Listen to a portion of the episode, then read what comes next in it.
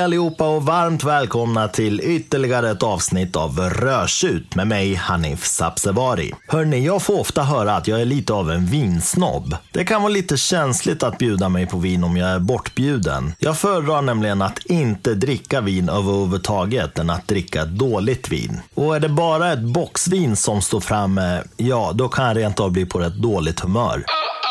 Men är det här verkligen vinsnobberi? Är det för att jag är en besserwisser och tycker att jag vet bättre än alla andra vad som är bra och vad som är dåligt vin? Och är det för att jag tycker att folk ibland vill bjuda mig på ett alldeles för uselt vin som är långt under min nivå? Eller beror det på att jag vet vad jag vill och har druckit tillräckligt många viner för att förstå vad jag gillar och inte gillar? Och kan det vara så att det här är ytterligare ett fall då den svenska jantelagen spökar? Det blir snabbt väldigt otrevligt om jag som gäst börjar tycka till om vinet som bjuds. Och dessutom vägrar dricka det. För vi vet alla att otrevlig stämning, det är bland det absolut värsta som kan drabba oss svenskar. Så jag har numera lärt mig att helt enkelt hålla tyst. Men skulle det vara så att middagsvärden är ovanligt angelägen om att jag ska prova vinet så har jag ett antal ursäkter. 1, Jag har ont i huvudet. 2, Jag får huvudvärk av rödvin. 3, Jag körde bil hit. 4, Jag ska köra bil tidigt imorgon. 5, Jag har diarré. 6, Jag är allergisk mot röda vindruvor. 7.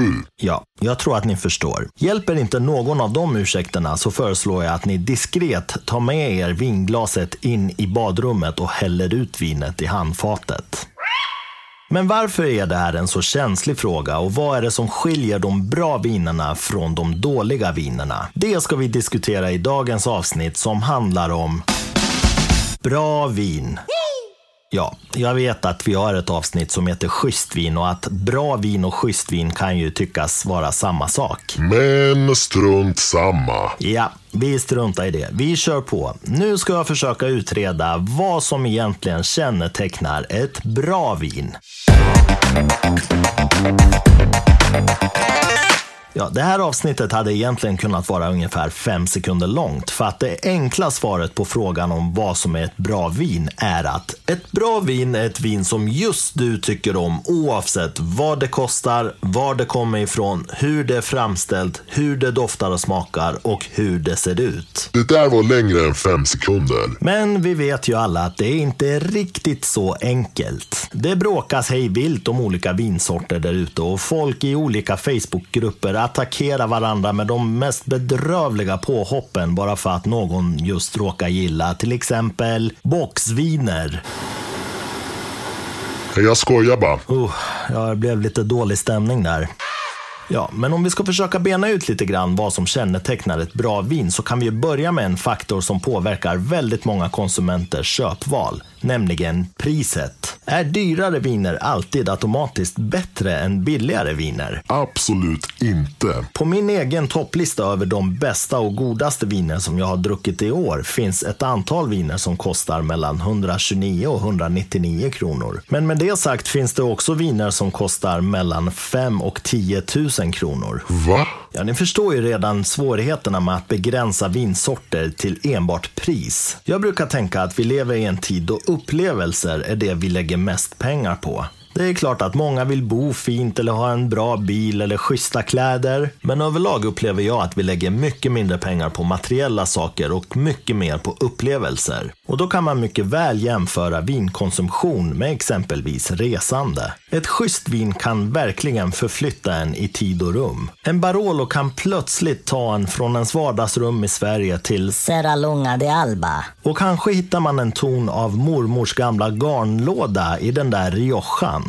Men även under drickandets tid så sker en fantastisk resa i glaset. Om man serverar ett vin vid 14-15 grader så kommer otroliga saker att hända i glaset ju mer rumstempererat vinet blir. Och den resan i sig är kanske ytterligare ett tecken på vad som kännetecknar ett bra vin nämligen komplexitet. Långlagrade viner som är i sina bästa dagar när man öppnar dem uppvisar en särskild bredd när det gäller dofter och smaker. Ibland känns det som att man kan lufta vissa viner hur länge som helst. Dofterna och smakerna tar aldrig slut. Och ju längre man luftar dem, desto fler dofter och smaker hittar man. Den komplexiteten har oftast inte sämre viner. Ibland händer det att jag får smaka ett vin som nästan bara är syrligt. Då finns det ett bra trick som man kan tillämpa för att bedöma komplexiteten. Ta en liten ostbit och tugga. Vänta sedan 10 sekunder och drick sen lite av vinet. Den störande syrligheten har förmodligen balanserats ut av ostbiten. Men frågan är, Vad kvarstår? om man inte känner så mycket andra smaker så tyder det på att det är ett enklare och inte så nyanserat vin. Sådana viner förändras oftast inte så mycket heller ju mer man luftar dem. Och skulle det vara så att det är ett vin som nästan enbart är syrligt, då har man att göra med ett vin som är väldigt obalanserat.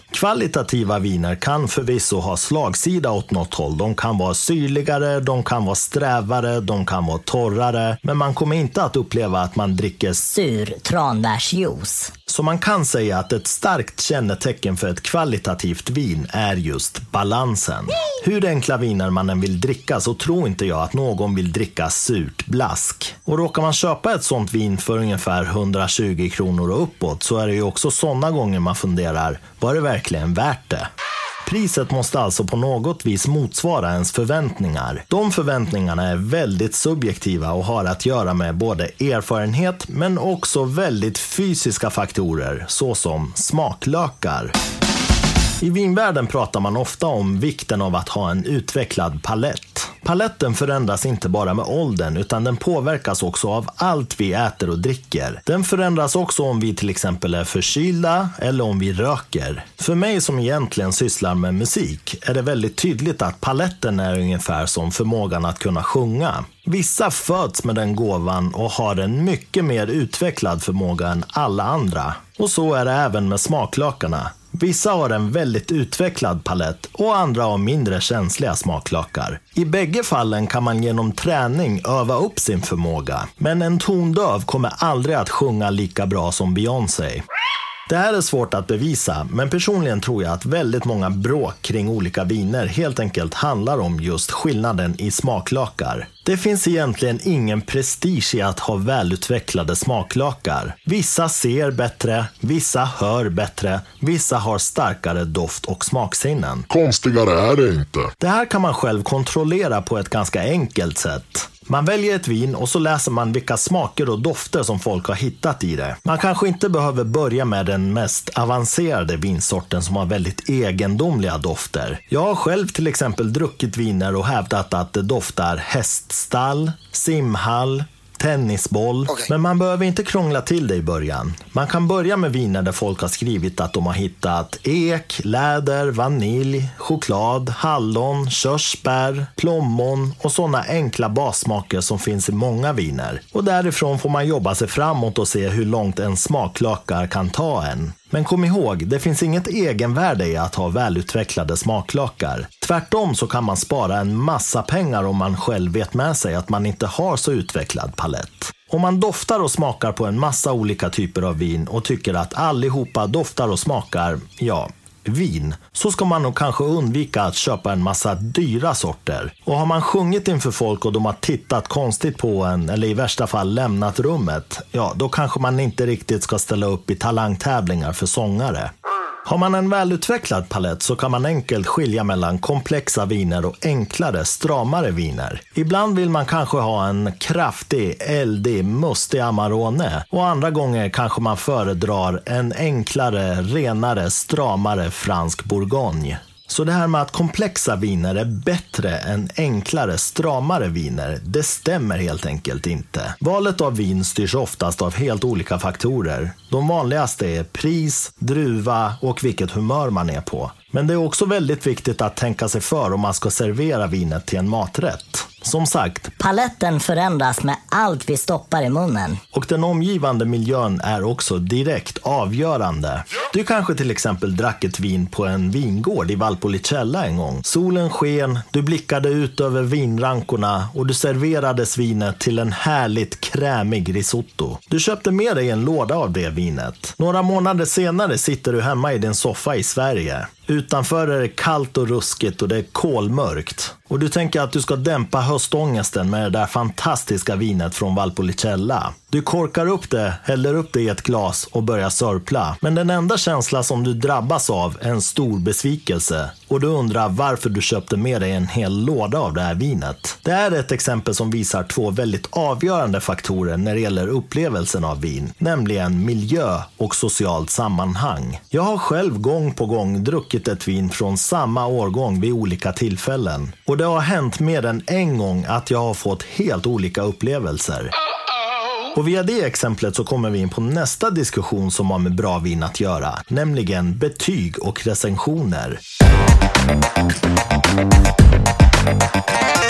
Ja, det är nästan omöjligt att försöka köpa ett vin på nätet idag utan att råka ut för någon form av betyg. Alla vinbutiker online skryter gärna med att ett vin har fått 95, 96, 97 eller kanske rent av 100 poäng av Robert Parker eller James Suckling. Eller så hänvisar man till den där recensionen av Jancis Robinson som hyllar det där vinet som man försöker sälja. Och får man nyhetsbrev från onlinebutikerna är det inte alls ovanligt att de baserar hela sin marknadsföring marknadsföring och prissättning på just expertrecensioner. Betyg från experter är från början ett väldigt amerikanskt fenomen som även blev populärt i den asiatiska marknaden men som nu också totalt dominerar den svenska marknaden. Har man tur har de framstående experterna gett sitt utlåtande om ett vin. Men i Sverige har även en uppsjö av magasin och tidningar vuxit fram som alla håller på med betygssättning av olika vinsorter. Men hur väl motsvarar de här betygen verkligheten och ens egen smak? Ja, det är väldigt svårt att svara på. Inte nog med att varje expert bara är en person som baserar sitt betyg på sin egen smak, utan vissa av experterna har en hel apparat med människor omkring sig. Som exempel kan man ta Robert Parker, vars recensioner verkar påverka marknaden absolut mest. Inte nog med att han genom åren har fått kritik för att vara alldeles för insnöad på bordeauxviner. Han är också gudfar till en del vinproducenters barn och barnbarn. Och vidare har det hänt att han har recenserat vinsorter som inte ens har tappats upp på flaska. Oh my god! Jag vill överlag avråda ifrån att man följer de här expertrecensionerna för mycket. Överhuvudtaget är det väldigt svårt att tala om vin i termer av betyg. Det är egentligen en enda persons upplevelse av ett vin som avspeglas i varje vinrecension. Och i fallet med Robert Parker är det inte ens säkert att det är han själv som har skrivit recensionen. Robert Parkers The Wine Advocate är numera ett sällskap bestående av ett antal olika recensenter som alla är fokuserade på olika territorier. Man kan alltså säga att det är mer av ett varumärke än en person bakom de här recensionerna.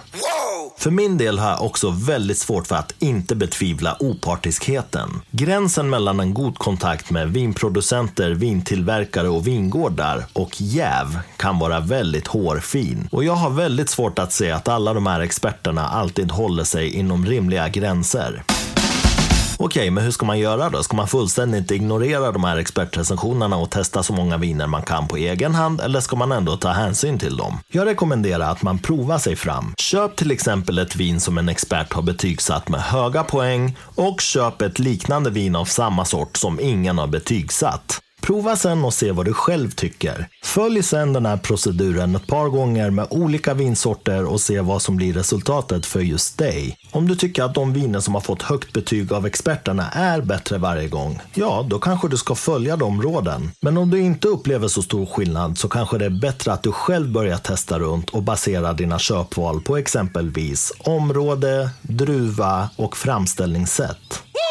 Ett bra sätt för mig att närma mig expertrecensioner av viner har varit att hitta de experter som verkar ha lite liknande smak som jag själv. Om en av dem till exempel sätter 97, 98, 99 eller rent av 100 poäng på ett vin brukar det oftast vara så att jag också kommer att tycka att det är väldigt gott. Och kanske ett bättre sätt att läsa vinrecensioner på är att koppla bort de sifferbetyg som ges och istället fokusera mer på de beskrivande texterna. En siffra säger ingenting om vilka druvor som används för att framställa ett vin, hur det har använts, om det är syrligt, sött eller strävt eller om det ska lagras några år innan man korkar upp det. Men däremot om man läser själva texten så kan man få en mycket godare uppfattning om det verkar vara ett vin som man själv kommer att gilla eller inte. Okej, men hur är det med priset då? Är det inte så att dyrare viner alltid är bättre än billigare viner? Ja, till att börja med måste man fråga sig priset i relation till vad? Är det i relation till sammanhanget då man ska bjuda på vinet? Är det i relation till andra viner som har framställts på samma sätt och på samma druvor? Eller är det i relation till antal år som vinet har lagrats? Eller är det i relation till ett personligt värde som jag sätter på vinet och som inte har med pengar att göra? Ja, till att börja med måste man se till vilket sammanhang som omger det vin man ska bjuda på. Ska man ha en kick-off eller julfest för sina anställda så är det direkt orimligt att bjuda på svindyra viner. Men säg att man ska fira ett diamantbröllop med sin partner eller anordna ett 40-årskalas med några få gäster. Då kanske man kan slå till på något som är lite dyrare. Och något som man bör ta hänsyn till när man ska bjuda på vin vid olika tillställningar är huruvida man ska bjuda på mat eller tilltugg eller inte. Att para ihop vin med rätt typ av mat och tilltugg är en vetenskap i sig. Här bör man definitivt rådgöra med kunnigare människor om man känner sig osäker, för resultatet kan ge väldigt olika upplevelser av vinet. Är man duktig på att kombinera vin med rätt typ av mat och tilltugg kan man få ett sämre vin att framstå som mycket mer kvalitativt än vad det är. Man kan på sätt och vis få billigare viner att framstå som mycket dyrare än vad de är om man lyckas kombinera dem med rätt typ av mat och tilltugg. Och man kan på liknande vis få ett dyrt vin att smaka som rent skräp om man kombinerar det med fel typ av mat. Men när man väl har bestämt sig för huruvida man ska bjuda på mat och tilltugg eller inte så har man ett annat arbete framför sig, nämligen att välja typ av vin. Och här kan man basera sitt val på lite olika faktorer såsom region, druva, årgång och så vidare. Låt oss exemplifiera det här med två olika situationer där jag kommer fram till att Sangiovese skulle vara en lämplig druva att servera. I det första fallet så handlar det om en parmiddag där vi kommer vara fyra personer och här känner jag att jag har utrymme nog att kunna bjuda på något som är lite dyrare. Så valet faller på en Brunello di Montalcino som kostar 449 kronor på Systembolaget och kommer att funka alldeles utmärkt till den lammgryta som jag tänker servera. I det andra fallet så handlar det om en inflyttningsfest där jag vet att mellan 15 och 20 personer kommer att närvara. Jag vet att jag kommer att bjuda på buffémat som bland annat innehåller kallskuren lammkorv, kallskuren kyckling och lite grönsaker. Här är det inte rimligt att bjuda på flaskor som kostar 449 kronor styck. Dels är det en fest där folk kommer att dricka olika drycker såsom läsk, öl och sprit och dels kommer vinet att serveras i vinglas gjorda av plast. Här väljer jag att gå på ett vin som kostar 79 kronor per flaska på Systembolaget men som fortfarande består av 100% Sangiovese. En del viner kostar väldigt mycket på grund av hög framställningskostnad eller begränsad upplaga. Vinproducenter som släpper hundratusentals flaskor och boxar av sina viner kan givetvis enkelt få ner priset. Medan mindre butikgårdar som kanske släpper mellan 1500 till 2000-2500 flaskor av sina viner behöver sätta ett högre pris. Ytterligare en faktor som påverkar priset är huruvida ett vin är från en gammal årgång eller från en nyare årgång. Mina rekommendationer i den här frågan är följande. Om man är nybörjare eller precis har börjat dricka vin så bör man absolut inte köpa väldigt dyra äldre viner. Har man de ekonomiska förutsättningarna så kan det kännas väldigt lockande att testa en gammal Bordeaux från 40, 50, 60-talen. De flaskorna kostar allt ifrån 4-5 tusen kronor upp till 200, 250, 300 000 kronor. Men om man exempelvis gillar viner från Piemonte så bör man vara försiktig med att köpa dyra Bordeauxflaskor. Det är en helt annan stil och en helt annan doft och smakkaraktär. Då kanske man ska börja med att dricka in sig lite grann på billigare Bordeauxviner och se ifall det är värt att lägga mer pengar på den stilen. Och nog för att gamla viner har en fantastisk karaktär och balans när de inte är korkskadade eller defekta. Men de kan också ha en svavelliknande, unken, lite pruttig doft som inte passar alla. Riktigt gamla och dyra viner är oftast till för de som samlar eller köper och säljer viner. Det kan också vara en fråga om ren prestige, att folk vill visa att de äger väldigt dyra och gamla viner. Och i mitt fall beror det många gånger på att de här vinerna står på min bucketlist. det vill säga jag måste testa dem innan jag dör. Men generellt sett vill jag varna lite för att ge sig på de riktigt gamla vinerna. Det är en riskfylld chansning att köpa en riktigt gammal flaska. Man har ingen aning om hur den har stått och var den har stått då ifall den är defekt. Och har man otur så har man slängt tusentals kronor på ett vin som inte ens går att dricka. Äldre viner är dessutom verkligen inte för alla. De saknar de yngre vinernas pigga fräschör och spänstiga friskhet. Och har man lite koll på sina årgångar kan man också köpa yngre viner som kommer att visa upp en fantastisk karaktär. Exempelvis kan en 2015 års Barolo som man luftar mellan 4 och 6 timmar visa en mycket större tillgänglighet och fruktighet än en Barolo från 1984 eller 1991. Så för att summera det här med pris i relation till årgångar så kan vi konstatera att äldre viner inte alls behöver vara bättre eller godare än yngre viner. Avslutningsvis vill jag ge några konkreta tips på hur man själv kan upparbeta förmågan att känna igen ett bra vin utifrån ens egen smak. 1. Lär dig grunderna. De flesta bedömningar av vin sker utifrån ett par fasta punkter. De punkterna är kortfattat vinets utseende, doft, smak och helhetsintryck. Genom att öva upp din förmåga i de här kategorierna kan du inte bara enkelt placera viner utifrån årgång, druva och region. Du kan också komma fram till vilka vinsorter som just du föredrar. 2. Vilka dofter och smaker brukar du i övrigt föredra? Det här kan ge dig en väldigt tydlig antydan om vilka viner du kommer att tycka om mest. Dricker du till exempel ditt kaffe med mjölk i eller dricker du svart kaffe? Föredrar du apelsinjuice eller föredrar du tranbärsjuice? Sådana detaljer kan styra dig i rätt riktning när du ska välja vin. Dricker du exempelvis svart kaffe så kommer du förmodligen att föredra viner från den gamla världen. Men har du mjölk i kaffet kommer du nog förmodligen att föredra viner från den nya världen såsom USA, Australien och Sydafrika. Men självklart kommer du med träning och nyfikenhet att kunna vidga dina horisonter och så småningom uppskatta alla typer av viner. 3. Lär dig att tyda vinets etikett. Etiketterna på viner kan variera väldigt mycket, men förhoppningsvis finns det en hel del nyttig information som kan hjälpa dig att välja rätt. Exempelvis kan du få information om alkoholhalt, ursprungsland, sockerhalt, årgång och kanske också druvsort. Och om du har övat lite på de punkter som jag nämnt tidigare så kommer du att kunna göra mycket mer kvalificerade chansningar när du ska köpa nya vinsorter som du inte har testat förut. Det innebär att du kommer att hitta många fler vinsorter som du gillar mycket oftare och du kommer även att få ut mycket mer för de pengar du spenderar. Och därmed har vi nått slutet av det här avsnittet där jag har försökt reda ut vad som kännetecknar bra vin. Vill du komma i kontakt med mig så går det bra att mejla på rodtjutpodd.gmail.com och följ mig gärna på Facebook-sidan och Instagram-kontot Rosjut där jag lägger upp en massa härliga vinrecensioner. Till nästa gång önskar jag er alla fantastiska vinupplevelser och glöm nu inte, ett glas schysst vin slår alla bag-in-boxar i världen.